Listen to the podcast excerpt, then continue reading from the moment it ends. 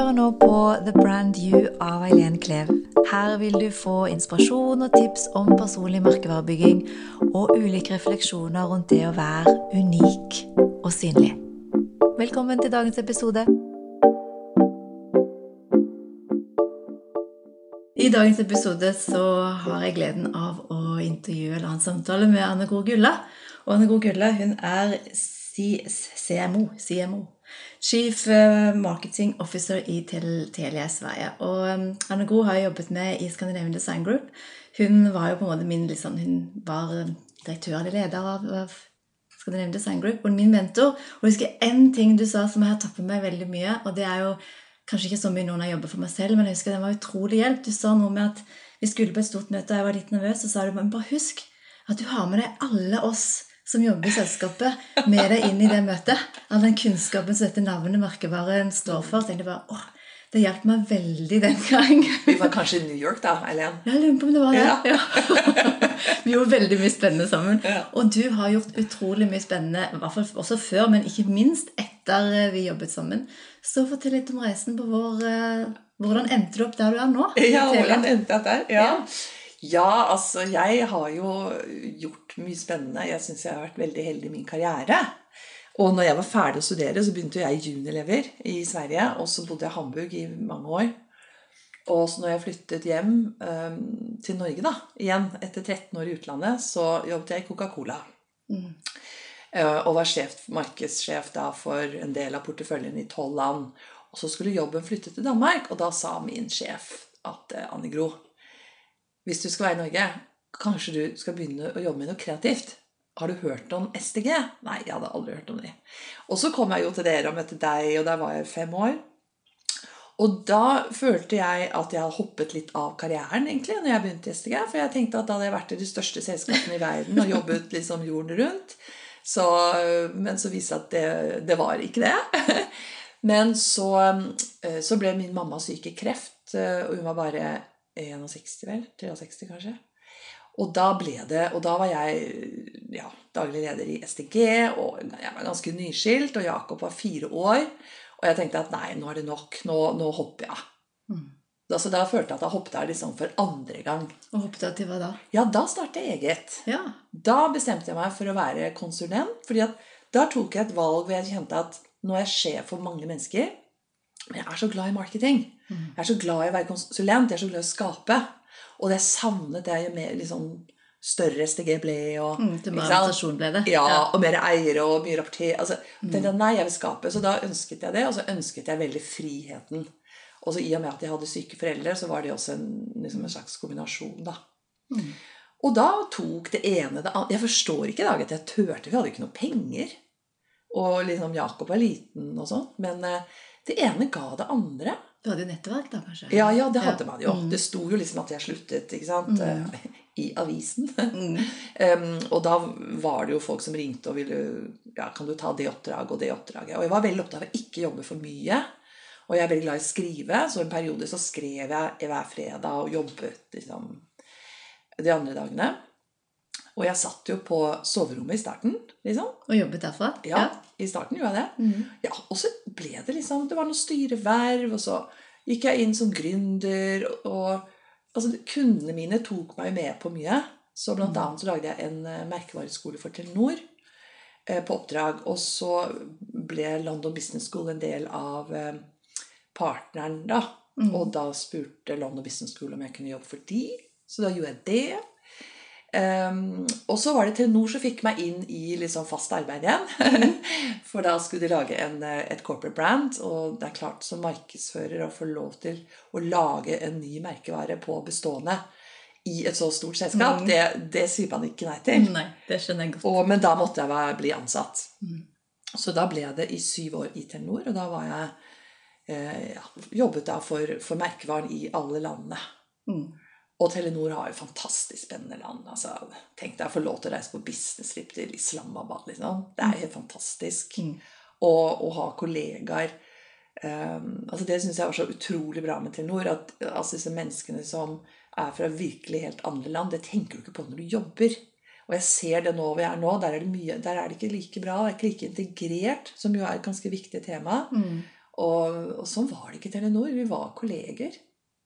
Selv om jeg skal vel innrømme at en gang jeg var, jeg tror jeg var i, i, i um, Sri Lanka, og det, alle var fra Pakistan, og da er det nesten bare menn, ikke sant? og alle er kledd eh, liksom, i, i, den type, så tenkte jeg en gang at det var litt spennende å stå her og snakke om marketing, liksom. ja, ja. I en sånn setting. Ja. Nei, altså, der var jeg kjempelenge, og, og, virkelig fantastiske år.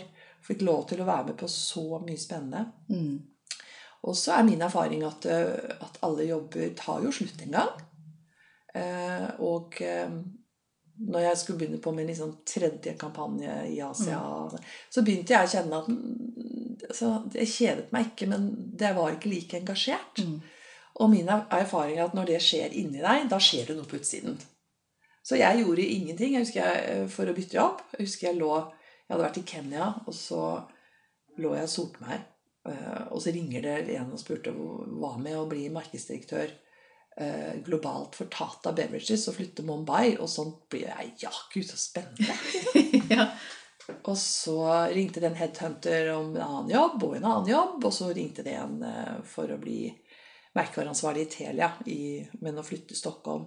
Og min erfaring er virkelig at når man åpner opp inni seg, så mm. er det akkurat som hvordan. Hvordan åpner du opp inni deg? Hva... Det, er det at jeg erkjente at, ja. Eh, at liksom Nå er jeg klar for noe Nei, kanskje jeg skal gjøre noe annet. Jeg, altså, jeg hadde ikke sagt det høyt, tror jeg, til mm. noen. Kanskje til én, liksom. Jeg lurer på om. Og da er det noe som skjer. liksom. Mm. Så, og da spurte jeg Jakob da om jeg, han syntes jeg skulle gå videre med India eller Sverige. Jakob er sønnen din? Han er sønnen min. Ja. Han er 23 år nå. Mm. Nei, da syntes vel han at Sverige var en god idé, da. Ja. og der er det nå. Der er jeg nå. Men har du hatt samme stilling hele tida? Eh, nei, da ble jeg jo da ansatt for å lage merkevare Det var jo merkevare, men for å ytterligere forsterke da, merkevaren mm. til Telia. Og, og Telia var jo den gangen i en veldig stor endring. Det er man hele tiden, kanskje, men da var det ny, nytt styre, ny leder, ny konsernledelse. Og, og, når de var på plass, så ansatte de liksom team under seg, så da var vi alle nye. Eh, og da var vi da i altså Det er vi i og for seg fortsatt, men det er Baltikum, men også det som vi kaller for Eurasia. Med, mm. ikke om det har vært så, det er skrevet om det i, her i landet også, om disse litt vanskelige landene. da. Mm. Ja. Så, mm, så, da var det Almaty, ja. Litt sånne Istanbul og litt sånne steder. Eksotiske Men nå jobber, vi, mm. nå jobber vi, fokuserer vi på det Balti, altså Norden og Baltikum. Mm. Men har du alltid jobbet med merkevarer og merkevarebygging og den biten? Det høres sånn ut i karrieren din? Ja, jeg har det. Og så er jo det et stort tema. Det, ja. altså for no, jeg mener at, at merkevarebygging er noe av det mest strategiske man kan gjøre. Mm. Og, og, så finnes det de som syns at merkevarebygging er å lage en god reklamefilm. Um, så hvis man ser på det på den måten, da pleier jeg å stikke fort. ja. ja. ja så, mm. så, merkevarestrategi er uh, utrolig viktig. Og, det, og i Telia så lagde jeg også et employer brand, og jeg har jobbet med corporate branding, som er ganske tett opp til uh, ja, bygge reputation for et selskap. Jeg hører at jeg bare snakker engelsk når jeg sier disse ordene. Det går fint. Du nok det. Internasjonal bakgrunn. Ja da, ja da. Men hva er det som trigger deg positivt? Eller hva er det som som gjør at du syns eh, merkevarebygging er så spennende? For det handler om mennesker. Mm. På hvilken måte? Det handler om å forstå mennesker og hva som driver de. Mm. Og hvis ikke du har den innsikten og forstår både trender, hva som eh, skjer i samfunnet, men hva som liksom er som får folk til å stoppe opp og si ja, det er riktig for meg, eller mm. til å kjøpe noe, eller hva vet jeg, hvor de føler at ja, dette vil jeg ha. Mm. Når, du, når, du, kjøper et eller annet, uansett hva du er, og du blir skikkelig fornøyd, og du føler det er for deg, så er det ganske mye jobb bak det. Mm. Så det liker jeg veldig godt. Og så liker jeg det at det ikke er en sånn eksakt vitenskap. Um, at det er veldig mye kreativitet. Så det er en veldig mm. sånn god blanding av strategi og kreativitet. Mm. Og, eh, og, det er veldig viktig for meg personlig også. Og, og, eh, og, du kan ikke skape en god merkevare uten å jobbe i team. Og det er også noe som er fantastisk. Du kan liksom ikke gå inn på kontor og skal du sitte og analysere deg frem til bra merkevare. Mm, så får du med en strategi fra en mann. Ja. Mm. Og det lærte jeg også ganske mye av faktisk i Scandinavian Design Group. For jeg, jeg, da hadde jo jeg vært på den berømte kundesiden. da, ikke sant? Mm. Unilever og Coca-Cola. og og min erfaring Da tenkte jeg sånn Når jeg har skrevet brifen og leverer den til et eller annet byrå, da var, da var jo egentlig jobben gjort. Og det skjønte jeg fort, at det er da jobben begynner. Ja, ja. virkelig. Ja. Mm. Så, så den, eh, dette med kreativitet i business har jeg blitt ekstremt opptatt av. Mm. Også som, som leder.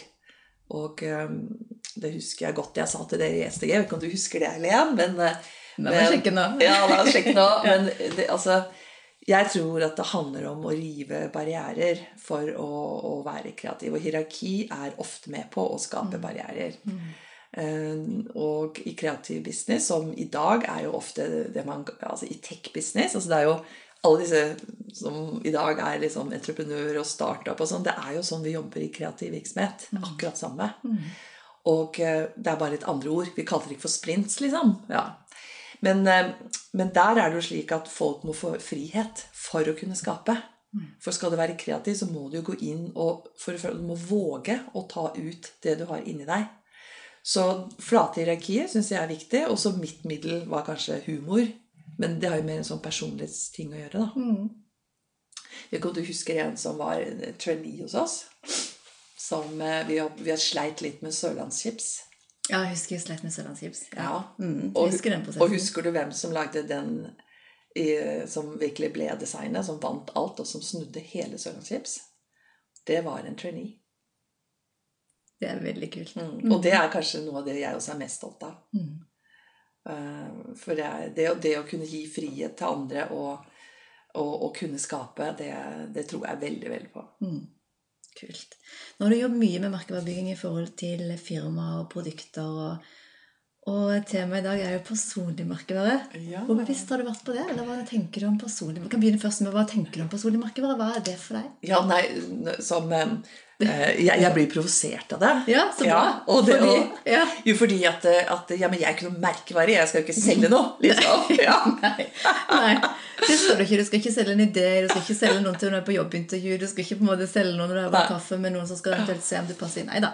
Ikke noe Men sånt. så, når man går litt dypere, så Ja. syns jeg det er et veldig klokt navn du har valgt. Eller? Ja. Jo. Kanskje også fordi det provoserer litt, Ja, da. Jeg har jo aldri tenkt på meg selv som en merkevare. Jeg har ikke engang planlagt min karriere. Jeg har gått på det som jeg syns er morsomt å gjøre. Mm. Eh, Jeg vet det høres helt banalt ut, men det er helt sant, altså. Men er det ikke det som er litt essensen? Mm. Du snakker jo hele tiden om det med å komme innenfra, og hvor viktig det er. Også, det er jo litt den samme kanskje når vi snakker om merkevare for personer òg. At firmaet må også ha den driven, men det må også Ja, du som enkeltperson ha. ja altså som, Man kan jo ikke bli veldig god i noe hvis man, hvis man ikke kommer innenfra. Altså, jeg, jeg tror at det er ganske viktig å, å finne ut hva som, er, som driver deg. Mm. Og det klarer man ikke å svare på når man er kanskje noen og tjue og nyutdannet. Og, og vi er jo begge jenter, så det er jo fleste av oss går inn i å være flink. Mm. Eh. Mm. Ja, men vi kritiserer det litt. Jeg må si at jeg syns faktisk at det er ganske bra å være flink òg. Fordi jeg tror at man må lære seg noen andre verktøy etter hvert. Men tross alt så har jo det tatt oss der hvor vi er i dag. Da. Så, Det er sant. Vi kan ikke Ja. bare si at er du flink, så går du i veggen, som jeg syns ofte temaene er. Jeg syns det er faktisk helt ok ja, å, være, å være flink. Og så, ja, men iallfall that aside. Du må jo finne ut hva det er som driver deg. Mm. Og det er jo noen mennesker som blir drevet av makt, og, og det syns jeg også man må si kunne erkjenne uten at det er, det er ikke noe galt i det i det hele tatt. Jeg bare tror det er litt viktig å være klar over det. Mm. Slik at du tar de valgene da, eh, som, som gjør deg lykkelig. Mm. Hvis du skulle oppsummere ingrediensene i merkevare sånn som du har jobbet til nå i forhold til firmaprodukter, hva er ingrediensene da? Hvis du snakker om det skal være en sånn bakoppskrift, at Ja. du må ha det og det og det av ingredienser for Nei, altså det, start, bygge. ja, det starter med innsikt, eller det starter jo egentlig med en businessstrategi, og så er det en innsikt. Mm. Og så bygger du da merkevaren ut ifra det, som inneholder eh, brand positioning, personality, design, ikke minst. ikke sant? Mm. Uttrykket. Og i dag, superviktig, hvordan er det du kommuniserer? Ettersom merkevaren merkevare nå kommuniserer i, den nye medieverdenen uten stopp, så er det utrolig viktig å slippe den fri allikevel innenfor rammene og sånn. Ja. Og så hele tiden være oppdatert. Mm. Og hvis man da ser paralleller over til personlig merkevare, hva Mm. tenker du er liksom ingrediensen der? Hva er likt og hva er ulikt? Ja, husker jeg, det har jeg ikke tenkt på før. Men la oss gjøre det. Altså, så en Businessstrategi det må jo være hva du ønsker å få ut av livet. da. Mm. Hva, hvordan ønsker du at ditt liv skal være? Og innsikten må jo være at du blir kjent med deg selv. Mm. Og, eh, og så, da, om jeg da skaper hvordan jeg ser ut og sånn, så det er jo klart Jeg er jo utrolig glad i klær. Det blir jo jeg alltid liksom både ertet eh, for og, og eh, hjelper mange. Eh, så jeg tror jo faktisk på det. At, at altså Hvis man tenker sånn litt sånn stor business, så tror jeg faktisk det er litt viktig. Mm. Jeg mener ikke at det skal være dyrt, eller, eller hva det nå er. Det handler om at du kan være litt bevisst på det. Fordi at eh, hvordan du eh, kler deg og ter deg, Mm. det kommuniserer enormt mye. Mm. Det øyeblikket du kommer inn i et eller annet sted, så, og så vil folk ha en mening om deg på Mm. bakgrunn av den, den du er når du Den kommer du inn. Ja. Hva tenker du om dette med å um, være autentisk i det? det med, for eksempel sa klær, da, som mm. mange kan tenke er liksom fasade. Du, du kan kle deg på en måte som gjør at du får de assosiasjonene du kanskje ønsker, og at du fremstår på en måte som du kanskje ønsket. Mm. Um, er det noen konflikt i det versus det å være autentisk? Nei, du? syns ikke jeg. Eh, Men altså, klær da, eh, handler jo også litt om, om å våge. Og, og eh, jeg er litt mer sånn hippie. Det er det jeg syns er en herlig stil. Mm. Men jeg har da Jeg har mye av. Men altså, jeg tenker at det er ikke noe problem å være riktig kledd og være deg selv. Mm. Men man trenger ikke å være Jeg tenkte på i går kveld da jeg fløy fra Stockholm og hit, så var det utrolig mange menn som alle hadde samme grå Mm. og så var det to kvinner, og de hadde samme grå, de òg. Og da tenker jeg sånn Ja, men altså, det er jo mormonere eller i et kjedelig konsulentfirma, og hva er det det kommuniserer? Jeg vet jo ikke hva det gjør, men jeg ble litt sånn nysgjerrig, da. Og jeg tenker at det, eh, de kommuniserer at de ikke er kreative, i hvert fall. Mm. Det er ikke noe særlig tvil om. Men det er kanskje bevisst, det òg. Vet ikke. Det vet man jo ikke. Nei. Nei, jeg tenker, jeg tenker det er vel mer sånn at eh, du, vær, altså, vær klar over at når du skal inn og, hvis du skal inn og be om 100 millioner kroner, så har du ikke på deg liksom Hippietrakten, liksom. Nei. Eller spørs jo hvem du skal, eller hva konseptet ditt er, Ja. og hvem du skal pitche mot. Men så fins det de som ikke bryr seg om det, og er supersuksessfulle. Så det er liksom, det er ikke én Mm. regel, men, Mm. Men for meg så er det sånn at jeg tenker på det. Mm, det gjør jeg. Mm. Ja. Når du skal tenke personlig merkevare spesielt um, Hvilken farge får du opp når du assosierer personlig merkevare? Ah, turkis. Turkis! Ok, Hva er det du assosierer med turkis? Jeg, bare- jeg syns det er en utrolig vakker farge. Som er litt sånn håpefull og, og glede og sol og varme og ja. Ja. Og da kan vi gå litt, videre og spørre om form. Hva slags form, figur, får du opp når du tenker personlig merkevare? Som Tenker jeg, jeg tenker champagnebobler. Champagnebobler! Så kult! Og det assosierer Ja, det er også glede. Ja. Jeg må si at jeg syns eh, at det å, å ha det gøy og, og oppleve glede er en ekstremt viktig drivkraft for meg. mm. Mm. Og jeg hadde jo en sånn eh, en, Jeg fikk kreft for eh, tre år siden på mandag. Eh, og da fikk jeg brystkreft. Og da hadde jeg bodd i Stockholm i ni måneder. Og så hadde jeg bodd i leiligheten min eh, som jeg kjøpte i Stockholm, i åtte dager. Nei, Nei, seks dager! Og 80 kartonger var liksom ikke eh, Så det var jo Og det er jo en sånn ting når man opplever det, at man virkelig får stilt seg selv hva er det som er viktig i livet. Det er, jeg har ikke tall på det, men det er faktisk ganske mange som har gått gjennom kreft, som revurderer hva de gjør. Mm. Så, og det gjorde jeg. Mm. Eh, Jeg var hjemme i tre måneder og hadde to operasjoner og stråling og sånn, så jeg hadde en sånn lett form, da. Absolutt. Mm. Men nok til at du ble stoppet opp og tenker litt Absolutt. Jeg var hjemme, var helt sykemeldt i tre måneder, og så jobbet jeg eh, Når jeg ser tilbake, så ser jeg at det tok et år før jeg liksom var på beina igjen. Det ser jeg jo egentlig. Ja. Men ja. la, fra oktober, etter tre måneder så latet jeg som jeg var 100 frisk. Ja. Ja. Nei, men, da, nei, men da, da stoppet jeg opp og, og tenkte ok, liksom Mm. Men jeg kommer fram til at jeg liker det jeg gjør. Jeg gjør det. Og da var det gleden og den eh, Ja, det er gleden men, men jeg har ikke Og det har kanskje litt med alder å gjøre òg. Nå er jeg 55 år og har holdt på en stund. Og det er et sånt sitat fra Meryl Streep som man ser mye på sosiale medier. Hvor hun, det er et sånt langt stykke hvor hun skriver I take no more shit, I'm Ja. too. Ikke sant? Den er og, og den er jeg vel Det er litt sånn at eh, Jeg tenker sånn at perspektiver handler ofte om å zoome litt ut fra situasjonen. Mm. Og når man klarer å gjøre det, så må man klare å se på seg selv, den situasjonen man er inne i, som litt utenfra. Da, da, da ser man litt ja, men Skal jeg være med på det, eller skal jeg ikke? Mm. Og da begynte du å skrive blogg. Og Ja, det er ganske modig i forhold til å synliggjøre mer av den siden som kanskje ingen har sett, eller ikke så mange hadde sett av deg. Mm. Hvordan var det? Nei, altså Først så skriver jeg, da. Det, Ja. Men det var ikke så mange som hadde lest noe av det. I hvert fall ikke jeg hadde lest noe Nei før bloggen kom. Nei da, det, det nei, nei, nei, altså litt av det som var, var at jeg var jo i Stockholm og, og var jo selvfølgelig alene der. Og hadde veldig mange venner som ville ha, bli oppdatert på hvordan det gikk. Og jeg var litt sånn Det var litt sånn for mye for meg, for jeg klarte ikke, og jeg hadde ikke så mye krefter og sånn. Så da begynte jeg å skrive. eh, Og så lå jeg en kveld og så tenkte jeg vært kult tross alt da, om hun kom ut. Jeg sender en mail til Ariana Huffington. Du sendte det direkte dit, ja. Og så svarte hun. Og så skriver hun We would love to feature your work in the Huffington Post. Og det syns jeg var så kult. Så nå er jeg blogger der på livstid, liksom. Så det er veldig morsomt. Det er kjempekult. Ja. Så da skrev jeg det. Og det mm, Hvordan var det å gå ut av den? For det er jo litt sånn ut av komfortsonen med å være synlig på de områdene også i livet. Den refleksjonen som er ikke så mye business, men som er mer kanskje om livet generelt, og Ja. deg og dine tanker. Og, ja. altså, det, Du kan si når jeg skrev det, så drev jo ikke jeg og tenkte på at det skulle blogges. ikke sant? Jeg Nei. skrev det jo litt sånn til info Mm. på et vis. Men jeg skrev det jo som en slags fortelling, da. Eh, nei, jeg, jeg så på det som, som min måte å, å bli frisk på. på. Eller én måte å bli frisk på. Mm. Og det er jo da å erkjenne. Altså det å være autentisk. Det å liksom erkjenne hvordan det var. Mm. Eh, men det var en av de som jeg husker jeg syntes var veldig vanskelig å skrive. Og det var den der å være ensom i å være syk. Mm. Så jeg ble sånn rørt når jeg, når jeg tenker på den også. Og det var veldig vanskelig.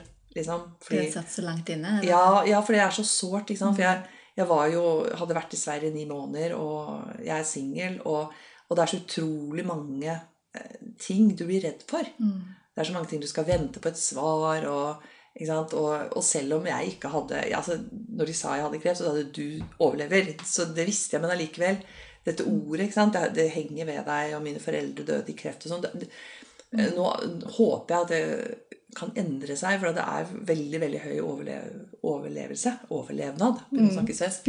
Men allikevel så er det et sånt ord som eh, henger ved deg, og, og man, blir, man blir veldig sårbar. Altså Bare sånne ting. Jeg hadde infeksjon, jeg måtte hele tiden tilbake. og sitter på ja, Da hadde jeg tatt så mye taxi, så tenkte jeg nå får jeg ta den tunnelbanen, og så er det verk over hele tida Altså Det er så mye sånne situasjoner som er litt sånn såre. da.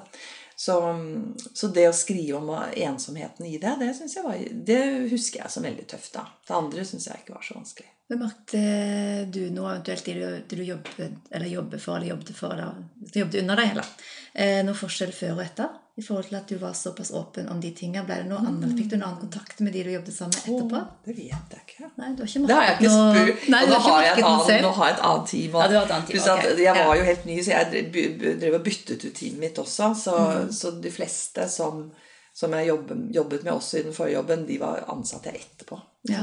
Eller de begynte, en begynte den dagen jeg sa hei, jeg heter Anne Gro, jeg skal bli lagt inn og bli operert. Have fun. Så det var litt sånn. okay, ja. ja, For det er noen ledere som er liksom redde for å vise den siden av seg. Eh, Nei, men det er, altså, det er ikke jeg som person. Så, det, så jeg er jo en veldig ekstrovert personlighet. Så det, jeg er ikke noe redd for å snakke om det. Nei. Eh, Absolutt ikke. Nei, altså, det kan jo ta en story som er enda verre. Da begynte jeg å jobbe i oktober, og i mars så skulle jeg og en kollega til London, som jeg har vært jeg vet ikke hvor mange ganger. Men jeg la inn pause, jeg reiste dagen før. Eh, Jeg hadde en frokostmøte, så var jeg på London Business School, så skulle jeg videre til Norge. Sitte på skolen og si at nå blir jeg dårlig. Og eh, jeg endte opp med å ligge på securityen på Heathrow Terminal 5 og drite på meg og spy på meg. Jeg lå i min egen skit og oppkast. Og dette var i forbindelse med hva? det var, nei, det jeg lærte, det var at når, kroppen min tålte ikke så mye. Så når det blir for sliten, så skjedde fra. Så da ble jeg hentet eh, med ambulanse og lagt inn på sykehus i London. Og da hadde jeg med en kollega, så vi har ledd mye av det. Men som jeg sa, ok, jeg lå der, jeg hadde ikke mye verdighet igjen. Thank God I wore Dolce Gabbana. Ja. Veldig bra. Så det er klart at da er man jo nær på kollegaene sine. Da er man veldig nær på kollegaene sine. Så det med autentisk det er noe som ligger veldig lett hos deg. Ja, jeg tror det. Ja. Eller, ja, det, jeg er kanskje ikke den rette Jeg tror det, men Ja. samtidig er jeg sikkert ikke den rette å svare på det. Liksom. Nei, det, man ser jo ikke det selv. Nei, man ser jo ikke Nei. det selv. Nei. Men er du opptatt av det hos dine ansatte? At de også skal være det? Gjør du noe spesielt for Ja, å jeg trygge er det, men samtidig så syns jeg at man må ha veldig respekt for at for det første dette at, at man er forskjellig, og, og noen er ekstroverte, og noen er ikke det. Og, Mm. og jeg tror det var i fjor eller to år siden så var den mest solgte businessboken heter Quiet. Mm. Og den handler om eh, folk som er introverte. Og det, og det syns jeg er veldig interessant. Altså, for og blitt bevisst på at det er, eh, det er ikke vi, bare vi som prater hele tiden, som må bli hørt. Mm. Og noen eh, tar inn liksom hele seg, og, og andre gjør ikke det. Og jeg har ingen problemer med det. Mm. Jeg må si at eh, jeg tenker at jeg har som ekstrovert og emosjonell type selv, da, så må jeg si at det skal, når jeg gir et råd, særlig til kanskje til jenter i karriere, så, så er det det at du må ikke ta ting personlig. Mm. Og det å være effektiv i store organisasjoner og få ting igjennom, handler ikke om å bli emosjonelt engasjert. Hva handler det om da? Det handler om å, å ha de gode argumentene. Og selvfølgelig tro på det og stå for det. Mm. Men liksom å bare Jo, men liksom, alt dette personlige, emosjonelle, det, det, er, det, det fungerer ikke. Og det tok meg ganske lang tid egentlig å forstå at det var sånn. Jeg tenkte alltid at det var en styrke jeg hadde. Men eh, det, det å være engasjert og ikke gi seg, det er helt korrekt. Mm. Men ikke det der at du tar det personlig. Det og for mye emosjoner. Jeg var på et lederkurs en gang i Bangkok med Telenor. Og så var det en stor mann som sier han som var leder. Og så fikk han beskjed om å stå i rommet. Alle vi sto så. Så kom denne coachen da, og dytter på han, så han nesten ramler bakover. Og rent automatisk så dytter han tilbake, og så sier coachen Exactly. When you push, someone's gonna push you back. Mm. Og det der det var en ganske god ting, altså. Bra metafor. Mm. En annen ting som vi ofte jobber mye med når man jobber med merkevarer, jeg vet ikke om du også har eh, tenkt mye på det, men når man jobber med merkevarer for firmaprodukter, så er man veldig opptatt av å ha den der røde tråden i merkevaren. Mm. du har også hatt en veldig tydelig rød tråd i din karriere. Mm. Har du tenkt noe på at det er bevisst, eller er det mer Nei, jeg kan ikke si det er bevisst, men det er klart når man ser på min CV, da, Mm. så har jeg jobbet med de største firmaene, de største merkevarene øh, og sånn. Mm. Og jeg tror at det skjedde fordi at jeg tilfeldigvis kom inn på juniorlever når jeg var nyutdannet. Og det ser jeg var veldig viktig for meg, selv om jeg ikke var så bevisst på det. For jeg skulle egentlig begynne å jobbe på Brindfors reklamebyrå, som jeg hadde jobbet for i Düsseldorf. Og så var de så trege med å skaffe et trainee-program som jeg ville ha, og så ble det dette her. Og, og det tror jeg formet meg veldig. Og så er det også slik, var i hvert fall, kanskje verden er annerledes nå, men når du kommer inn og du har vært i sånne store, anerkjente firmaer, så er det akkurat som du får sånn lite kvalitetsstempel. Ok, da. Hun, ok. Og så har det blitt mange sånne etter hvert. Men så, så når jeg drev eget firma, så var jo det stor bredde liksom, på hva jeg gjorde. Men jeg lærte Jeg studerte økonomi i, i Tyskland. Eh, Veldig matematisk studie. Um, så jeg visste ikke den gangen at det var markedsføring. Jeg tror ikke jeg visste at markedsføring fantes. Jeg, Nei, det var ganske nytt. Mm.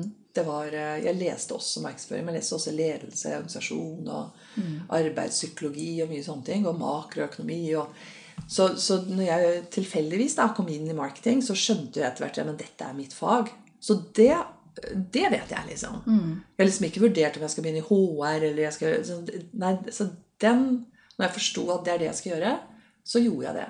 Mm. Fra det strategiske til det kreative, liksom. Mm.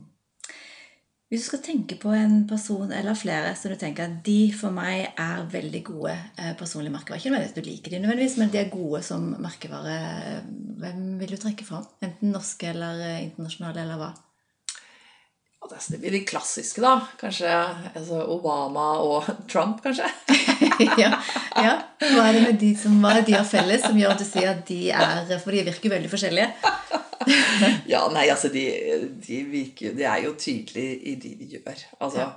altså Nå er det akkurat aktuelt i dag da, at Trump nå trekker tilbake dette at han river barna bort fra foreldrene. Men selv når det skjer, så gjør det på Trump-vis, liksom. Litt sånn sulky og Ja. Nei, jeg egentlig bør ikke snakke om han, jeg bør ikke få noe mer airtime, liksom. Men, nei, men det, er, det er tydelighet. Jeg syns Erna Solberg er også en sånn.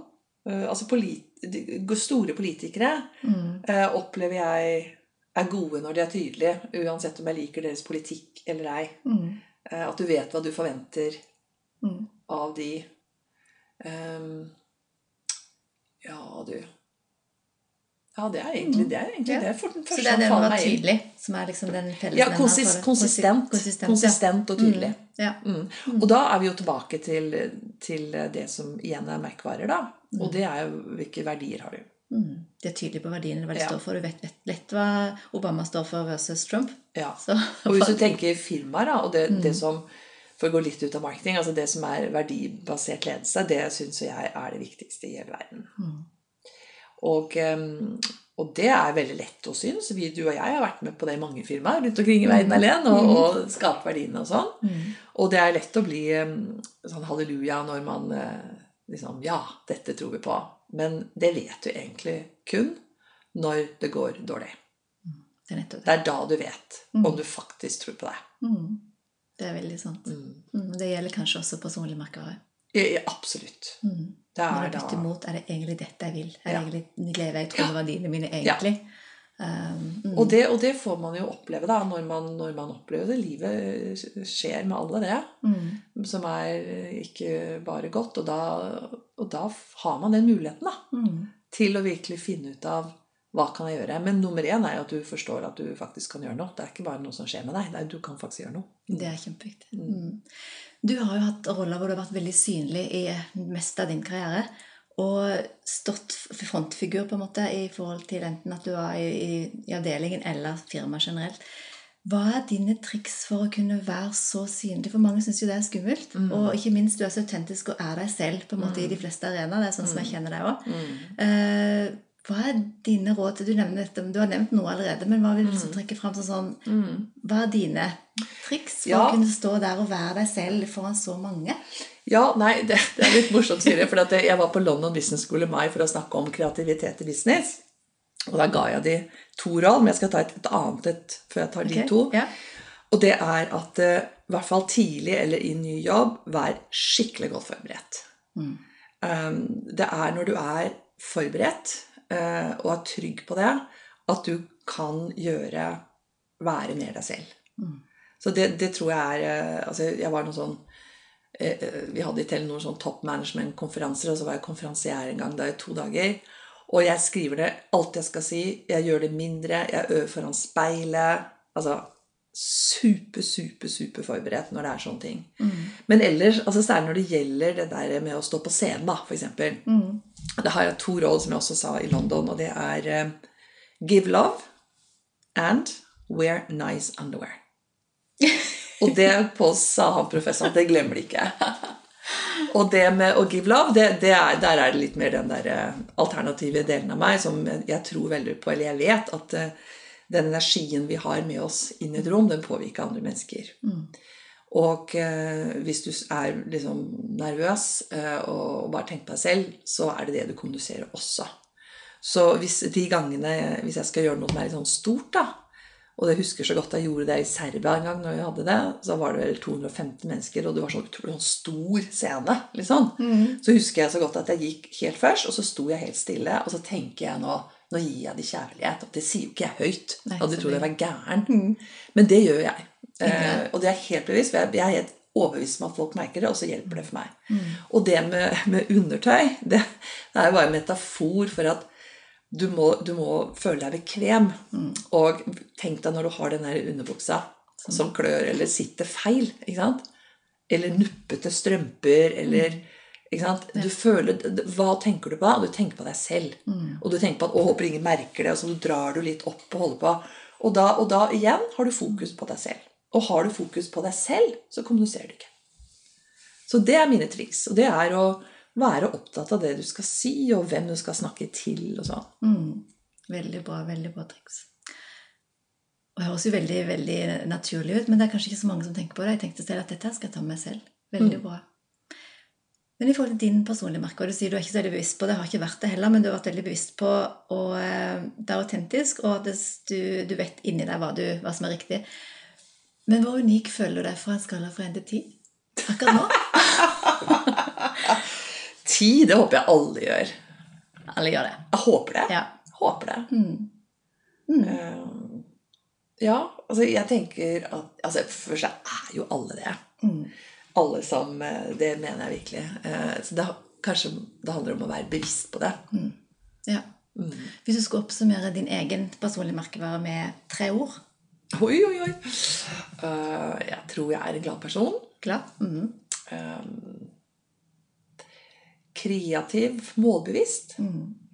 Ja. Kreativ målbevisst. Glad, kreativ målbevisst. Jeg kjenner deg veldig godt igjen i det. Ja, bra. ja. Men sånn til slutt, uh, ut ifra din erfaring med merkevarer generelt, eh, hvis du skulle gi eh, noen, eh, tips helt til slutt, hva vil du trekke fram som sånn det og det og det syns jeg er viktig at folk tar med seg? Du har gitt mange eh, tips allerede, men hvis du skal oppsummere til slutt Personlig merkevare. mm, Personlig merkevare. Det er å finne ut hvem du er. Finne ut hvem du er. For de fleste mennesker bruker hele livet på det. Og, eh, og Hvordan finner man ut det? jo, det man finner man, man, Når er du glad? Ja. Altså, det er bare det, egentlig. Eh, det finnes så mye bøker på dette liksom med flow ikke sant, og de tingene der. Hva er det som gjør deg glad? Og, og da er det ikke slik at, at foreldrene dine kan fortelle det. Ja, Jakob, du hører meg si det. Han tror sikkert ikke på meg. Ja, Eh, ja finne ut hva som gjør deg glad, liksom. Og, og eh, ikke tenk på hva naboen syns du skal gjøre, eller foreldrene dine syns Det er bare det, altså. Jeg syns det var kjempebra tips helt til slutt. Og tusen takk, Anne Grå. Jeg kunne godt sitte her hele dagen. Jeg. Det, det er alltid veldig inspirerende å snakke med deg. Men tusen takk for at du tok deg tid i dag. Tusen takk. Og lykke til videre med. Telia.